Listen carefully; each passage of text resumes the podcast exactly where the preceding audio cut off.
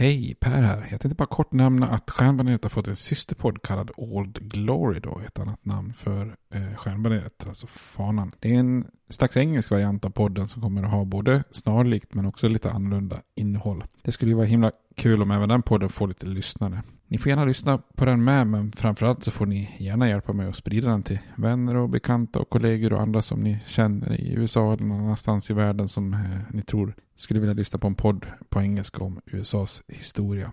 Tack, det var bara det jag ville säga. Nu kommer avsnittet. Hej då! Hej, det är Ryan Reynolds jag är här med Keith, co-star of my upcoming film If, only in theaters May 17th. Do you want to tell people the big news?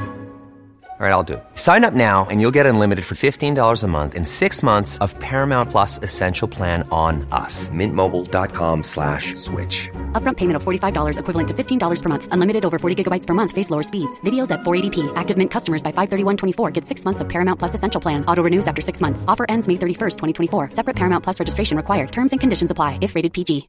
Hey, Dave. Yeah, Randy. Since we founded Bombus, we've always said our socks, underwear, and t-shirts are super soft. Any new ideas? Maybe sublimely soft. Or disgustingly cozy? Wait, what? I got it. Bombus. Absurdly comfortable essentials for yourself And for those facing homelessness. because one purchased equals one donated. Wow, did we just write an ad? Yes. Bombas. Big comfort for everyone. Go to bombas.com slash ACAST and use code ACAST for 20% off your first purchase. Millions of people have lost weight with personalized plans from Noom, like Evan, who can't stand salads and still lost 50 pounds. Salads, generally, for most people, are the easy button, right? For me, that wasn't an option. I never really was a salad guy. That's just not who I am. But Noom worked for me. Get your personalized plan today at Noom.com. Real Noom user compensated to provide their story. In four weeks, the typical Noom user can expect to lose one to two pounds per week. Individual results may vary.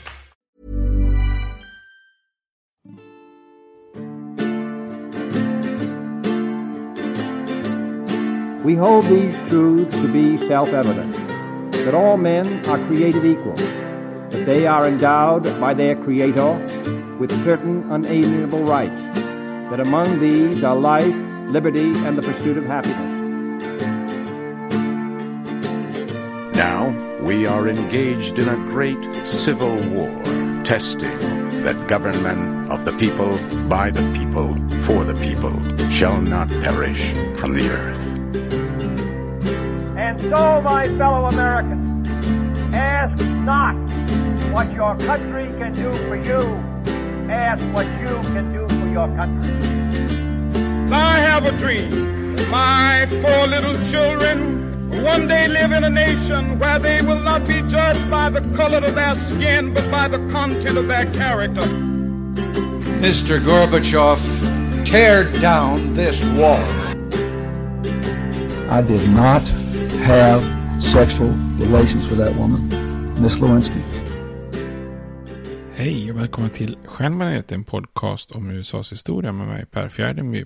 Där vi direkt hoppar vidare i, i serien om afroamerikansk eh, medborgarrättskamp. Vi är mitt uppe i medborgarrättsrörelsen och i de senaste avsnitten har vi pratat lite grann om eh, sit-ins och freedom rights och vi har pratat om Kennedy-administrationen och vi har, i förra avsnittet så såg vi hur King och flera misslyckades i med sin eh, kampanj i Albany eh, i Georgia. Eh, och utifrån den kampanjen så drog man ganska mycket lärdomar och eh, planerade noga för nästa eh, aktion. Och den stad man valde ut var ju Birmingham i Alabama. Och idag ska vi se hur det går med den kampanjen i, i Birmingham.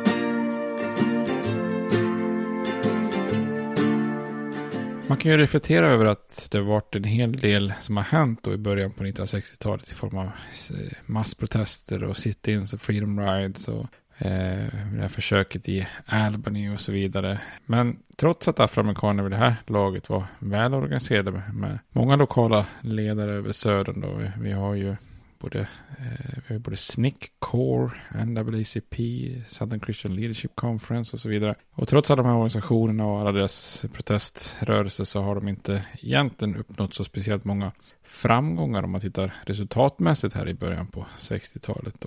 Eh, nationella politiker som med president Kennedy i spetsen hade ju fortfarande varit ganska ovilliga och tveksamma att agera annat än om de mer eller mindre blir tvingade på grund av trots mot federala makten eller eh, om våldsamheter mot fredliga demonstrationer visas på tv och så vidare. Så nu när vi är framme till 1963 så känns det lite som nu eller aldrig för medborgarrättsrörelsen. 1963 är också ett speciellt år. Det är ju då 100-årsjubileumet för Abraham Lincolns berömda emancipationsproklamation eh, från 1863 då mitt under inbördeskriget som ju var ett, ett viktigt steg av många för att eh, avskaffa slaveriet. Eh, Medborgarrättsrörelsen behövde det här en stor seger och, och mycket står ju då på spel när SCLC och Martin Luther King ska då inleda sina demonstrationer i staden Birmingham. Då. Birmingham var ju en stålindustristad i norra, norra Alabama och en av de första riktiga liksom, industristäderna i södern egentligen. Staden hade också det tveksamma ryktet om, om att vara landets mest segregerade, våldsamma och rasistiska stad i hela USA. Då. Eh, afroamerikaner i staden var väldigt vana med att utsättas för polisbrutalitet och diskriminering i nästan alla aspekter av livet. Då. klanen KKK terroriserar konstant eh, svarta. Då. Under åren hade det genomförts så mycket bombdåd mot afroamerikanska hem och kyrkor i staden att staden då helt enkelt fick smeknamnet Bombingham. Eh, och en incident var ju när predikanten Fred Shuttleworths hus bombades 1956 till exempel. Samma år hade artisten Nat King Cole attackerats i staden av, av medlemmar från White Citizens Council, ett slags eh, mellanklassvariant av klanen då. Och fem år senare hade medlemmar i KKK då attackerat Freedom Riders när bussen anlände till staden. Det pratade vi mer om i för ett par års avsnitt. Då. Wyatt Walker då, en aktivist som börjat i CORE men som nu var en av Martin Luther Kings närmaste män i Southern Christian Leadership eh, Conference sa att As Birmingham went, so goes, would go the South. If we could crack that city, then we could crack any city. Så att eh, nu tar de sig åt egentligen då den svåraste nöten av de allra så att säga. Då. Och en viktig aspekt av att välja just Birmingham var ju att de protesterande hoppades att man skulle kunna provocera eh, fram då eh, våld och, och tveksamheter från stadens eh, säkerhetsansvariga då, som då var den här Eugene Bull Connor som vi pratat om tidigare. Då. Connor var ju känd för att inte dra sig för att vara väldigt brutal och våldsam. Det var ju han som hade tillåtit eh, klanmedlemmarna att gå loss med våld på de här Freedom Riders under en kvart innan han eh, ingick då. Och för honom var lojaliteten med lokala vita rasister betydligt viktigare än någon form av nationell eh, mediabild. Eh, och han skulle ju då förhoppningsvis inte alls vara lika smidig och tålmodig som staden Albanys polischef Pritchett varit liksom under, under de protesterna. Så om Connor tappar fattningen som han hade gjort många gånger förut så skulle det ju garantera i princip våldsamma bilder som kunde rullas ut på tv och tvinga president Kennedy att agera. Så SCLC nästan räknar med att han skulle göra något som helt enkelt gynnar deras kamp. Då. En annan orsak att välja Birmingham var dessutom då Alabamas nya guvernör George Wallace. Eh, Wallace var ju på väg att då bli segregeringens kanske mest kända ansikte och talesman i hela södern. Eh, George Wallace är ju ganska intressant. Alltså han började sin politiska bana som relativt moderat i rasfrågan eh, och som allierad med den tidigare guvernören i delstaten då som kallades för James Big Jim Folsom. Men i ett primärval till guvernörsvalet i Alabama 1958 så hade han förlorat mot den mer radikala segregeringsförespråkaren John Patterson. Och enligt legenden så, så svor Wallace på att aldrig någonsin mer förlora ett val genom att vara för moderat i rasfrågan och blir som man uttryckte det outniggered av någon annan kandidat. Det här citatet är det vissa historiker som ifrågasätter ifall det verkligen är så att han sa just de här orden att han vägrade bli outniggered. Men eh, oavsett så är det ju så han agerar då. Så istället börjar Wallace flörta med klanen och andra vita extremister och, och med en väldigt tuff retorik i rasfrågan så kunde han väldigt enkelt vinna guvernörsvalet 1962. Då. Eh, hans installationstal skulle bli väldigt berömt och få nationell uppmärksamhet. Eh, Wallace var ju en bra talare och han deklarerar då att Alabama skulle försvara eh, segregationen då. Han säger ju segregation now, segregation tomorrow and segregation forever. Så att han är ju verkligen eh, brinnande för att eh, ingen ska kunna eh, lägga sig i och ta bort segregeringen i södern då. Eh, så Martin Luther King och SCLC förstod att de kunde segra att kunde man då segra över så att säga Connor och Wallace då skulle ju mycket vara vunnet. Eh, då. I Birmingham skulle man dessutom få agera utan interna stridigheter med andra organisationer. Eh, Alabama hade ju förbjudit NAACP i delstaten eh, och studenterna i, i SNCC hade inte inlett några aktioner där så man skulle få lite fritt utrymme där. Då. Så förutsättningarna var bra och insatserna väldigt höga då. Eh, men SCSI-ledarna förstod naturligtvis att de också tog extremt stora risker med att välja Birmingham. King säger då på ett möte till sina närmaste män att I think everyone here should consider very carefully and decide if he wants to be with this campaign. I have to tell you that in my judgment some of the people sitting here today will not come back alive from this campaign and I want you to think about it. Så att uh, han är ju tydlig mot sina Eh, kollegor att eh, även om eh, förutsättningarna och insatserna är bra så, så är det ju också höga insatser.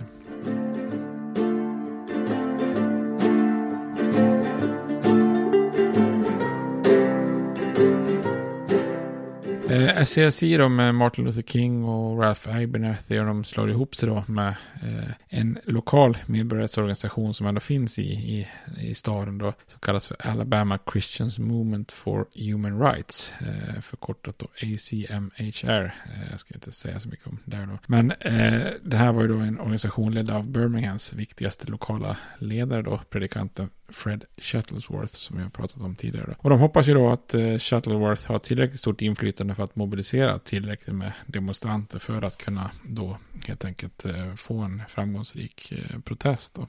Deras planerade demonstrationer och, och bojkotter kallas för Project C, där, där C stod för Confrontation. Eh, målsättningarna var då att desegregera skolor och offentliga faciliteter och förbättra afroamerikaners situation. Eh, både gällande service, yrkesliv och bostäder i allmänhet. Men för att skapa fokus på ett sätt man inte hade gjort då tidigare i Albany så valde man att först helt enkelt bojkotta affärsverksamheter i Birmingham City. Alltså i, i innerstadskärnan och försöka få dem att desegregera lunchserveringar och restauranger. Om affärsmännen började påverkas ekonomiskt så tänker man då att det då är strategin att de i sin tur kan påverka politikerna. För att påverka politikerna direkt skulle vara svårt för, för dem. Då.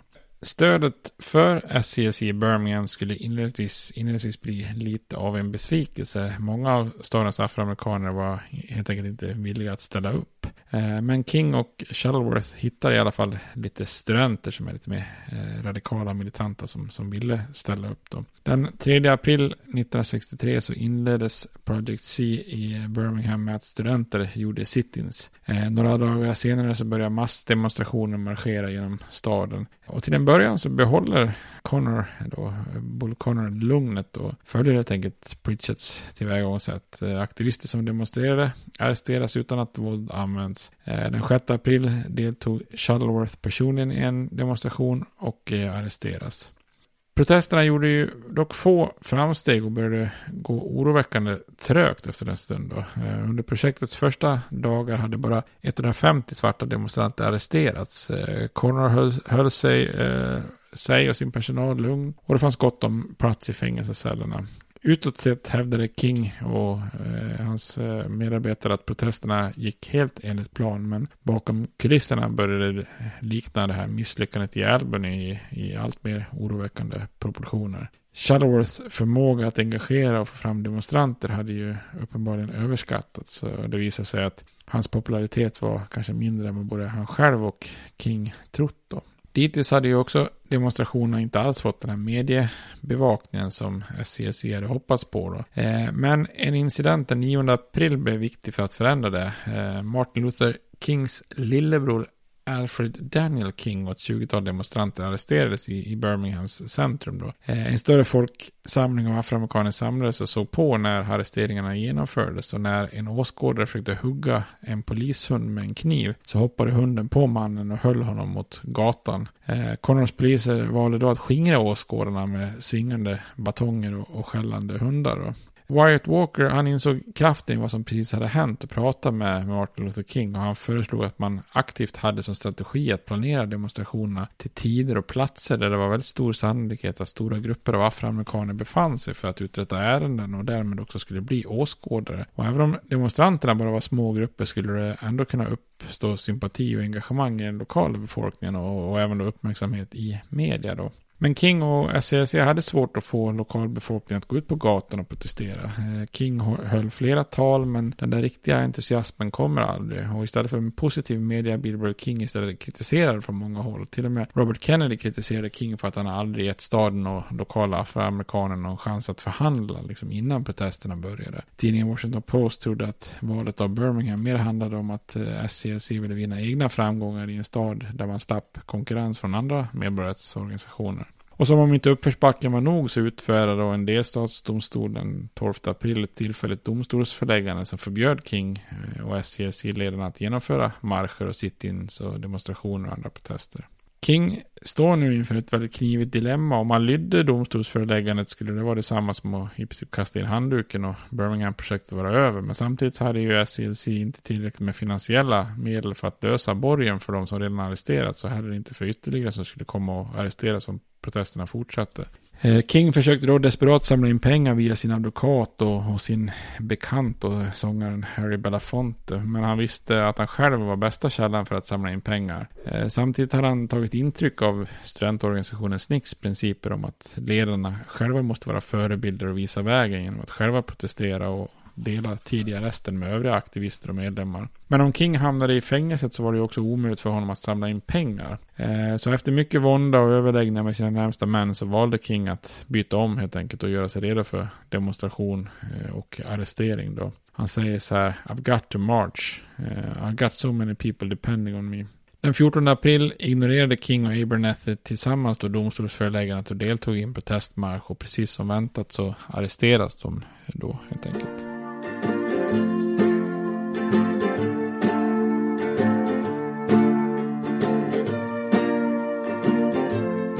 Många menar ju att det är nu som Martin Luther King tar steget fullt ut till att bli då medborgarrättsrörelsens riktiga frontfigur och ledare. Innan var han en känd pastor som lett en framgångsrik buskbojkott i Montgomery. Eh, personligen hatade han var inspärrad och det gjorde honom också väldigt oroad. Eh, men det är nu när Martin Luther King satt i fängelse som han skrev sitt kända brev kallat Letter from Birmingham Yale. Eh, bakgrunden var att King fick ett brev medan han satt i fängelse från ett antal lokala kristna och, och judiska församlingar som ifrågasatte och kritiserade visheten i de här protesterna från afroamerikaner. Eh, King lyckades då smuggla in en penna och kunde skriva ner sitt svar på, på toalettpapper och marginalen på en tidning då. När brevet smugglades ut ur fängelset så blev det snabbt publicerat i, i mängder av tidningar då.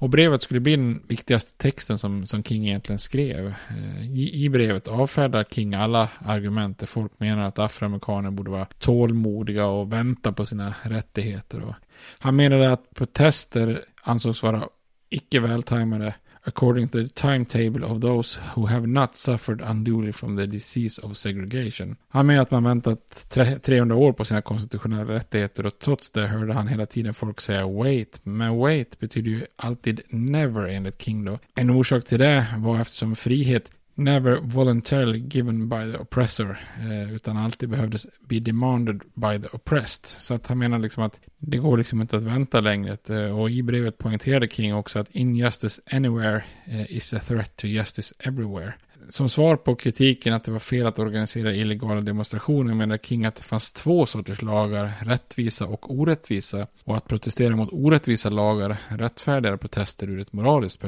perspektiv. Så han skrev bland annat The answer lies in the fact that there are two types of laws, just and unjust. I would be the first to advocate obeying just laws. One has not only a legal but a moral responsibility to obey just laws. Conversely, one has a moral respons responsibility to disobey unjust laws. Och han summerar egentligen hela grunden i civil olydnad och icke-våld kring den här moraliska aspekten. Och Han säger eh, I submit that an individual who break a law that, cons that conscience tells him is unjust and who willingly accepts the penalty of imprisonment in order to arouse the conscience of the community over its injustice is in, in reality expect, expressing the highest respect for law. Så här eh, har han ett resonemang som, som blir väldigt känt och som många tar till sig. Eh, och han använder också känslosamma kontraster för att fram, få fram sin poäng då. De som menar att afroamerikaner måste vänta på sina rättigheter kunde inte enligt King fullt ut förstå svarta situation då. Och en situation där många sett sina föräldrar bli lynchade eller sina syskon dränkta eller där man behövde leva i fattigdom i ett samhälle som i övrigt då lever i överflöd. Och de som menar att man skulle vänta hade heller aldrig upplevt förödmjukelsen av att behöva förklara för sin sexåriga dotter som King hade behövt att hon inte kunde åka till nöjesparken eh, som hon sett reklam på tvn för bara för att hon var svart. Och också inser då i den här sex sexåriga dotterns ögon när de fylls med tårar att hon börjar känna sig underlägsen och diskriminerad.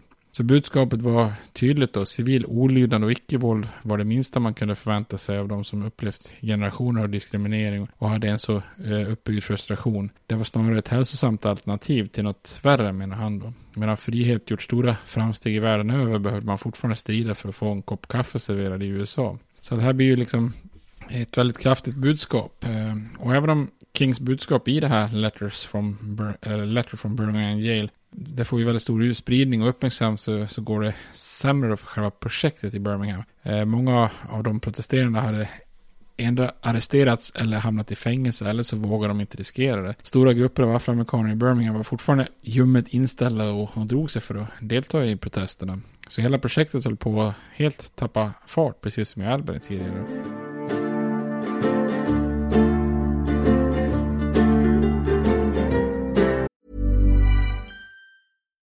Millions of people have lost weight with personalized plans from Noom. Like Evan, who can't stand salads and still lost 50 pounds. Salads generally for most people are the easy button, right? For me, that wasn't an option. I never really was a salad guy. That's just not who I am. But Noom worked for me. Get your personalized plan today at Noom.com. Real Noom user compensated to provide their story. In four weeks, the typical Noom user can expect to lose one to two pounds per week. Individual results may vary. I'm Sandra, and I'm just the professional your small business was looking for. But you didn't hire me because you didn't use LinkedIn jobs. LinkedIn has professionals you can't find anywhere else, including those who aren't actively looking for a new job but might be open to the perfect role, like me. In a given month, over 70% of LinkedIn users don't visit other leading job sites. So if you're not looking on LinkedIn, you'll miss out on great candidates like Sandra. Start hiring professionals like a professional. Post your free job on linkedin.com/people today.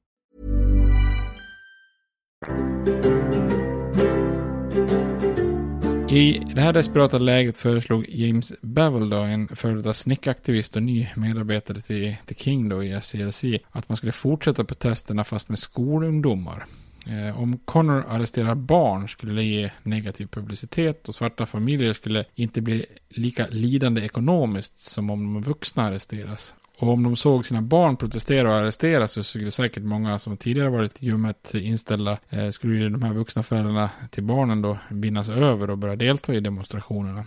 Många av Kings med, medarbetare i de ledande skikten var ju väldigt tveksamma om det var moraliskt riktigt att använda barn för protester. Eh, barn i skolåldern var ju i värsta fall inte mogna att förstå allvaret, allvaret eller risken med att delta i protester. Men King och några till var till slut villiga att riskera barnens säkerhet och menade att det var ett sätt att liksom säkra samma barns framtida frihet. Eh, och de inser att det här kanske var sista utvägen då. Nationell media hade ju redan börjat lämna Birmingham och det gick inte att få tag på fler vuxna som deltog i demonstrationerna helt enkelt. Då.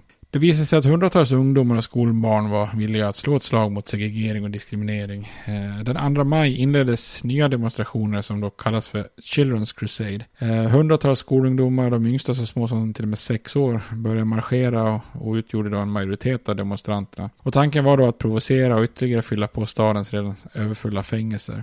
Connor han började arrestera dem, men våg efter våg av ungdomar fyller gatorna och när dagen var slut hade han arresterat runt 500 ungdomar. Och i det här läget hade man till slut då lyckats reta upp Eugene Bull Connor och hans polisstyrka. Eh, Connor hade inte plats i fängelserna för att arrestera fler demonstranter så istället byter han taktik till att istället försöka skingra demonstranterna. Och eftersom det handlade om barn försökte han att använda främst skrämsel i form av hundar och högtryckssprutande vattenslangar då i samarbete med brandkåren. Så när Connor dagen på den 3, maj släppte loss hundarna och brandkårens vattenslangar på de här ungdomarna och barnen så, så går ju hans taktik i baklås. För det hela blev ju och såg ju betydligt mer brutalt ut än vad Connor hade tänkt sig då. Vissa poliser kunde inte heller hålla sig från att slå vissa av de här demonstranterna med batong, även om de var unga då.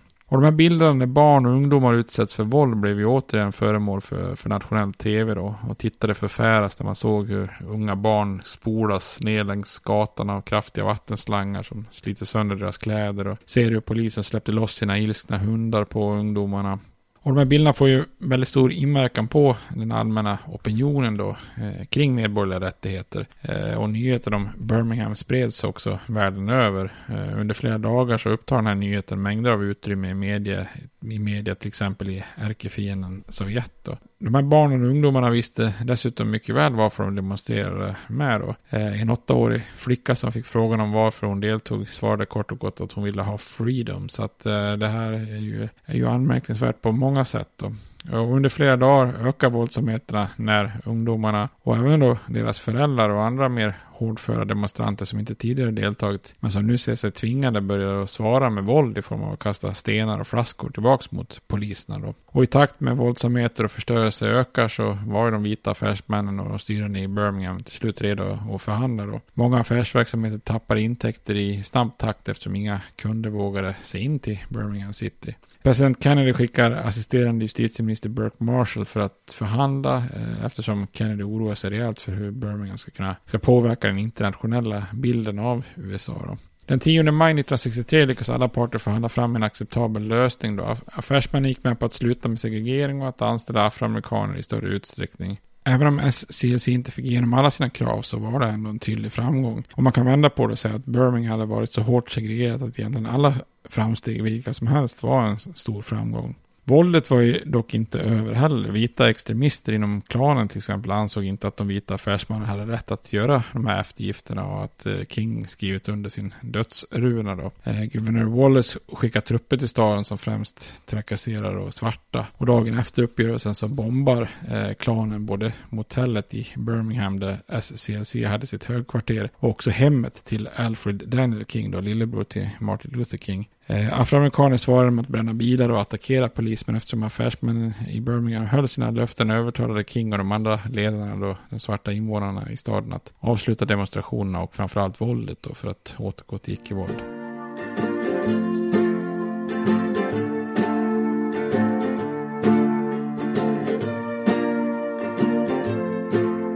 Birmingham var ju den största segern dittills inom medborgarrättsrörelsen. Eh, och det faktum att SEC framhävde Birmingham också som en enorm seger handlade i princip mer om kanske nationell uppmärksamhet än faktiskt genomslag i lokalsamhället också. Eh, man ser en tydlig utveckling här där King och eh, Southern Christian Leadership Conference var på väg att överge taktiken med att fokusera på enskilda städer som Montgomery, Alabama och Birmingham.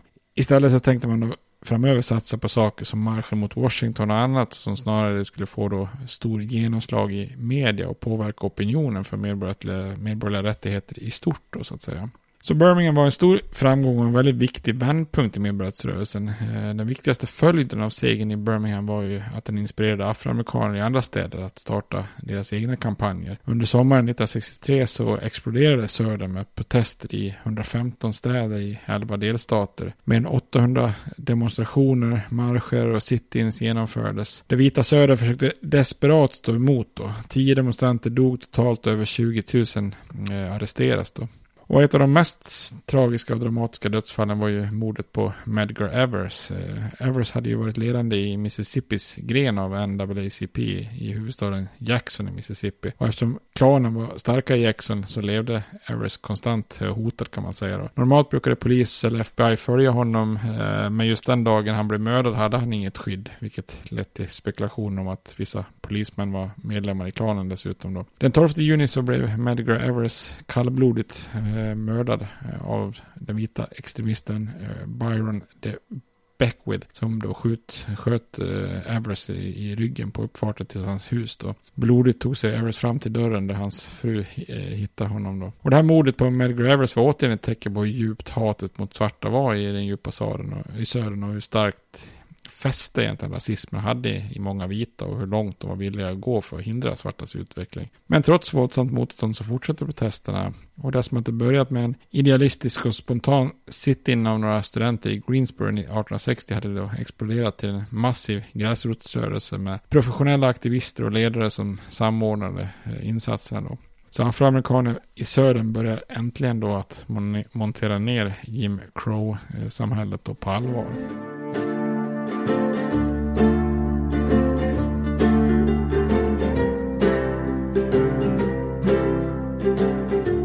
Alabamas guvernör George Wallace skulle emellertid fortsätta stå på segregeringens barrikader och provocera fram federalt ingripande från president Kennedy. För samtidigt parallellt med sit-ins och freedom riders och demonstrationerna i Albany och Birmingham så fortsätter också konfrontationer inom skolväsendet i södern. Eh, händelserna vid Little Rock Central High School var inte sista gången som en delstat vägrade att integrera skolor då. 1961 så var det dags igen. Eh, den afroamerikanska studenten James Meredith hade ansökt om att få studera vid universitetet universitetet i Oxford i Mississippi. När skolan vägrade att ta in honom hade han överklagat beslutet till en federal domstol som i juni 62 beordrar skolan att ta emot Meredith. Eh, men Mississippis guvernör Ross Barnett han vägrar att följa domstolsorden. Eh, president Kennedy skickar 300 federala polismän till Oxford för att tvinga skolan att ändå följa domstolsbeslutet. Och det här slutade i katastrof då. Tusentals vita studenter gjorde uppror på skolans campus och det uppstod våldsamheter mellan studenter och de federala polismännen. Flera hundra skadas och två dödas då. 200 upprorsmakare arresteras och hälften av de federala poliserna skadas i det här eh, sammandrabbningen då. Och en av de döda var en fransk reporter då. För Kennedy var det här enormt pinsamt när nyheten om, om våldet i Oxford liksom når ut i världen och att den federala hanteringen och att en död fransman finns på plats då. Eh, den nyheten spreds ju snabbt i världen. Kennedy fick göra som Eisenhower och federalisera, alltså ta över delstatens nationalgarde då, i federal tjänst för att kunna kväva våldet och säkerställa att Meredith fick registrera sig på universitetet. Och trots sin e- ensamhet och isolering så slutförde James Meredith sina studier då. Eh, Mississippis guvernör Barnett fick till slut ge sig då. Nästa skolfrontaktion där den federala makten återigen behöver agera var ju i Alabama och med guvernör Wallace då. Precis efter uppgörelsen i Birmingham så ställde sig guvernör Wallace den 11 juni 1963 i dörren till University of Alabama för att hindra två afroamerikanska studenter att skriva in sig och göra universitetet desegregerat. Eftersom en federal domstol redan beslutat att de två afroamerikanska studenterna Vivian Malone och James Hood måste godtas innebar Wallace beteende att han trotsar federal makt. Så president Kennedy kunde ju lika lite ha en trotsig guvernör Wallace så som Eisenhower hade haft, Eisenhower hade haft en trotsig Orwell Phobos i Arkansas 1957 då, i Little Rock. Eh, och det gör ju att Kennedy federaliserade Alabamas nationalgard och såg till att federala lagar och domar verkställdes. Och i all sin tysthet utan större uppmärksamhet så kunde de här två svarta studenterna inleda sin utbildning på universitetet. Då. Och det faktum att det för Kennedy räckte att federalisera den lokala milisen i form av nationalgarde var på ett sätt ett tecken på att den vita maktens försvar i södern höll på att eh, mjukna något. Eh, Eisenhower hade ju även behövt skicka reguljära federala arméenheter sex år tidigare. President Kennedy förstod dock att fler kriser med största sannolikhet skulle komma om inte någonting gjordes för afroamerikanska rättigheter. Den explosion av demonstrationer som svepte över södern efter Birmingham gjorde ju att förändringen verkade liksom ofrånkomlig. Och han pressas ganska hårt till att mer eller mindre tvingas agera på något sätt. Och det gör ju att Kennedy, som tidigare varit ganska ljummen inför medborgerliga rättigheter, ser över sin strategi. Eh, han hade ju tidigare försökt att ge medborgarrörelsen visst gehör, men aldrig så mycket att han liksom tappar stödet från demokraterna i, i södern. Och den här balansgången skulle ju göra att hans politik eh, inte stoppades av en eh, koalition av demokrater i södern och konservativa republikaner. Men 1963 hade Kennedy Kennedy kom till insikt att Söderns demokrater i kongressen blockerar delar av hans politik och reformer trots att han inte tagit tydlig ställning för afroamerikaner. Demonstrationerna i södern var också en pinsamhet som påverkade utrikespolitiken som var viktig för Kennedy. Så många av de interna rådgivarna i administrationen avrådde presidenten att gå längre med, med medborgerliga rättigheter men John F Kennedy han litar mest på sin bror Robert och han eh, uppmanar honom att nu är det dags att helt enkelt göra någonting då. Tillsammans kommer de fram till att det var bättre att frågan om medborgerliga rättigheter avgjordes inom politiken i, och i kongressen än genom då demonstrationer på, på gatorna.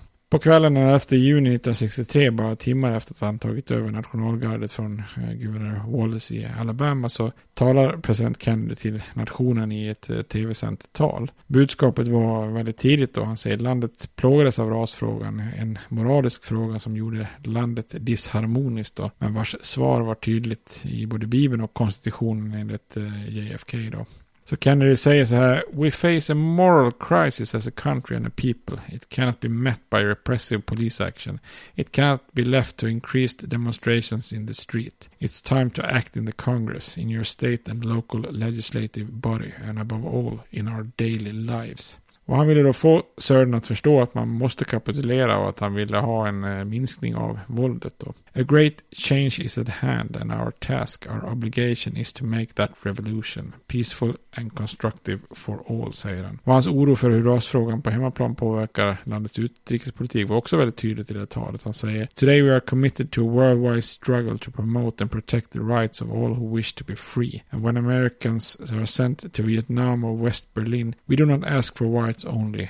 Uh, it ought to be possible, therefore, for American students of any color to attend any public institution they select without having to be backed up by troops. Så det var också uppenbart att Kennedy tagit intryck av Kings letter from Birmingham Yale då, för i tv-talet så sa Kennedy att afroamerikaner hade rätt, att, rätt i att vägra be content with the councils of patience and delay när man hundra år efter slaveriets avskaffande fortfarande inte var, som man sa, freed from the bonds of injustice eller social and economic oppression. Så det är de ord han använder. Så nu innebär det att Kennedy-administrationen placerar hela sin tyngd bakom en långtgående medborgarrättslagstiftning som skulle leda till det som blev Civil Rights Act 1964. Eh, förslaget gick längre än någon annan liknande lagstiftning tidigare gjort och innebar att all diskriminering utifrån ras, färg, religion och nationellt ursprung förbjöds då. Och Kennedys besked gjorde att framgången i Birmingham föreföll nästan större än vad många hade först hade hoppats på då. Medborgarrättsrörelsen Börjar helt enkelt både få upp farten och nå eh, framgång då. Eh, så att eh, här, här händer ju någonting och sen kommer ju inte Kennedy själv att vara med längre för att han, eh, om det är någon som inte känner till det så, så, så mördas han ju i Dallas eh, kort därefter. Eh, så att den som kommer att driva igenom det här blir hans efterträdare, Lyndon B. Johnson. Jag ska se här om man kan lägga in lite ljud.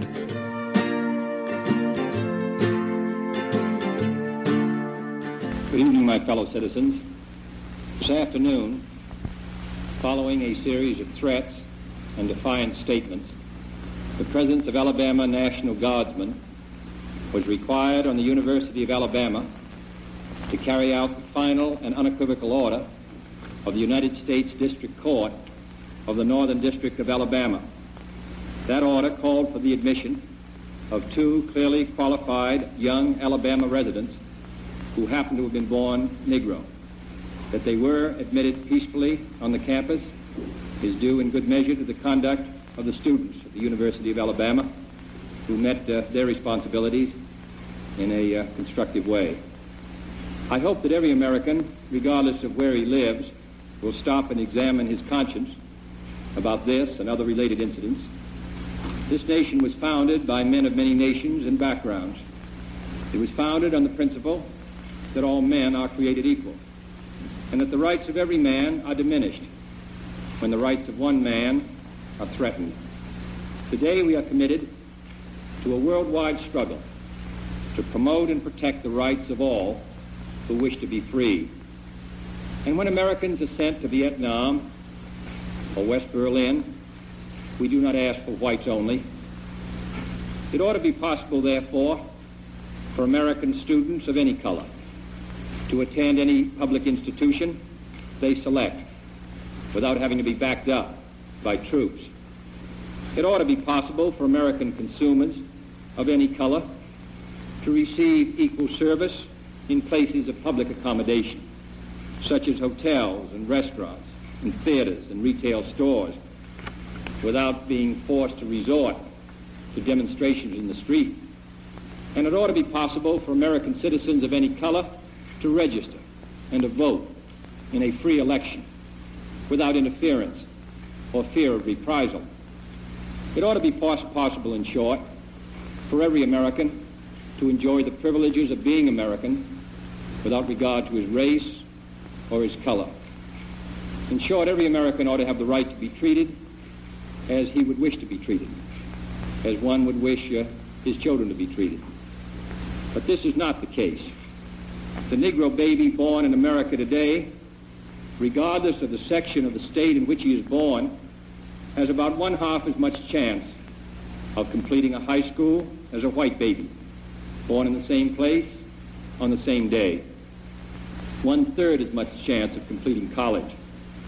One third as much chance of becoming a professional man. Twice as much chance of becoming unemployed. About one seventh as much chance of earning $10,000 a year. A life expectancy which is seven years shorter. And the prospects of earning only half as much. This is not a sectional issue. Difficulties over segregation and discrimination exist in every city, in every state of the Union, producing in many cities a rising tide of discontent that threatens the public safety. Nor is this a partisan issue.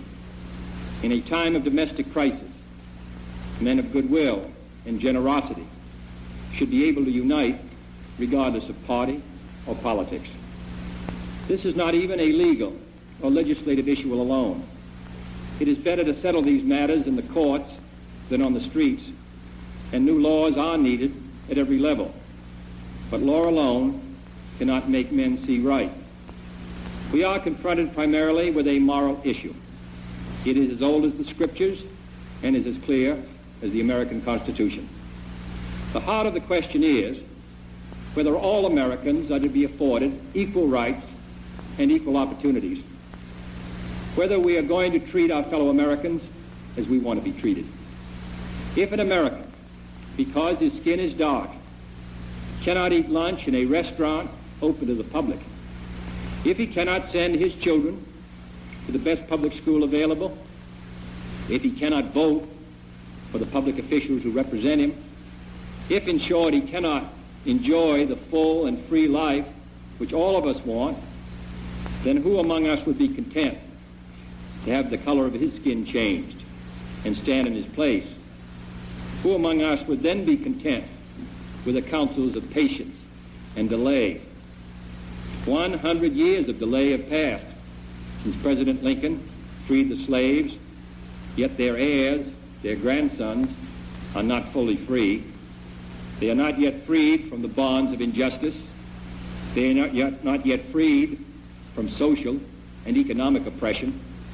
And this nation, for all its hopes and all its boasts, will not be fully free until all its citizens are free.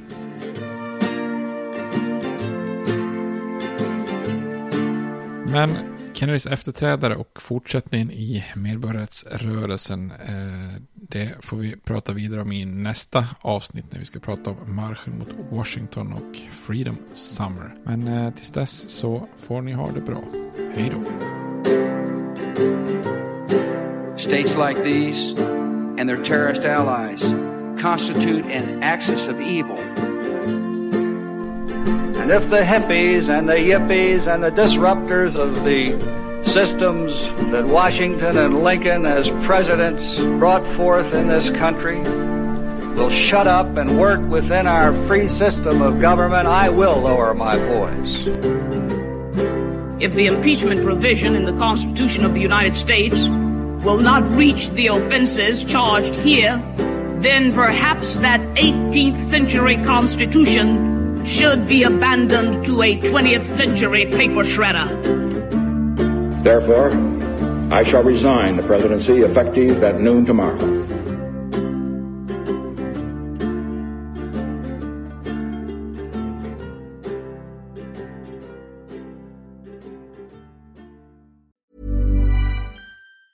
Hey, it's Danny Pellegrino from Everything Iconic. Ready to upgrade your style game without blowing your budget? Check out Quince. They've got all the good stuff shirts and polos, activewear, and fine leather goods, all at 50 to 80% less than other high end brands. And the best part? They're all about safe, ethical, and responsible manufacturing. Get that luxury vibe without the luxury price tag. Hit up quince.com slash upgrade for free shipping and 365 day returns on your next order. That's quince.com slash upgrade. Planning for your next trip? Elevate your travel style with Quince. Quince has all the jet setting essentials you'll want for your next getaway, like European linen, premium luggage options, buttery soft Italian leather bags, and so much more. And is all priced at 50 to 80% less than similar brands. Plus, Quince only works with factories that use safe and ethical manufacturing practices. Pack your bags with high-quality essentials you'll be wearing for vacations to come with Quince. Go to quince.com/pack for free shipping and 365-day returns.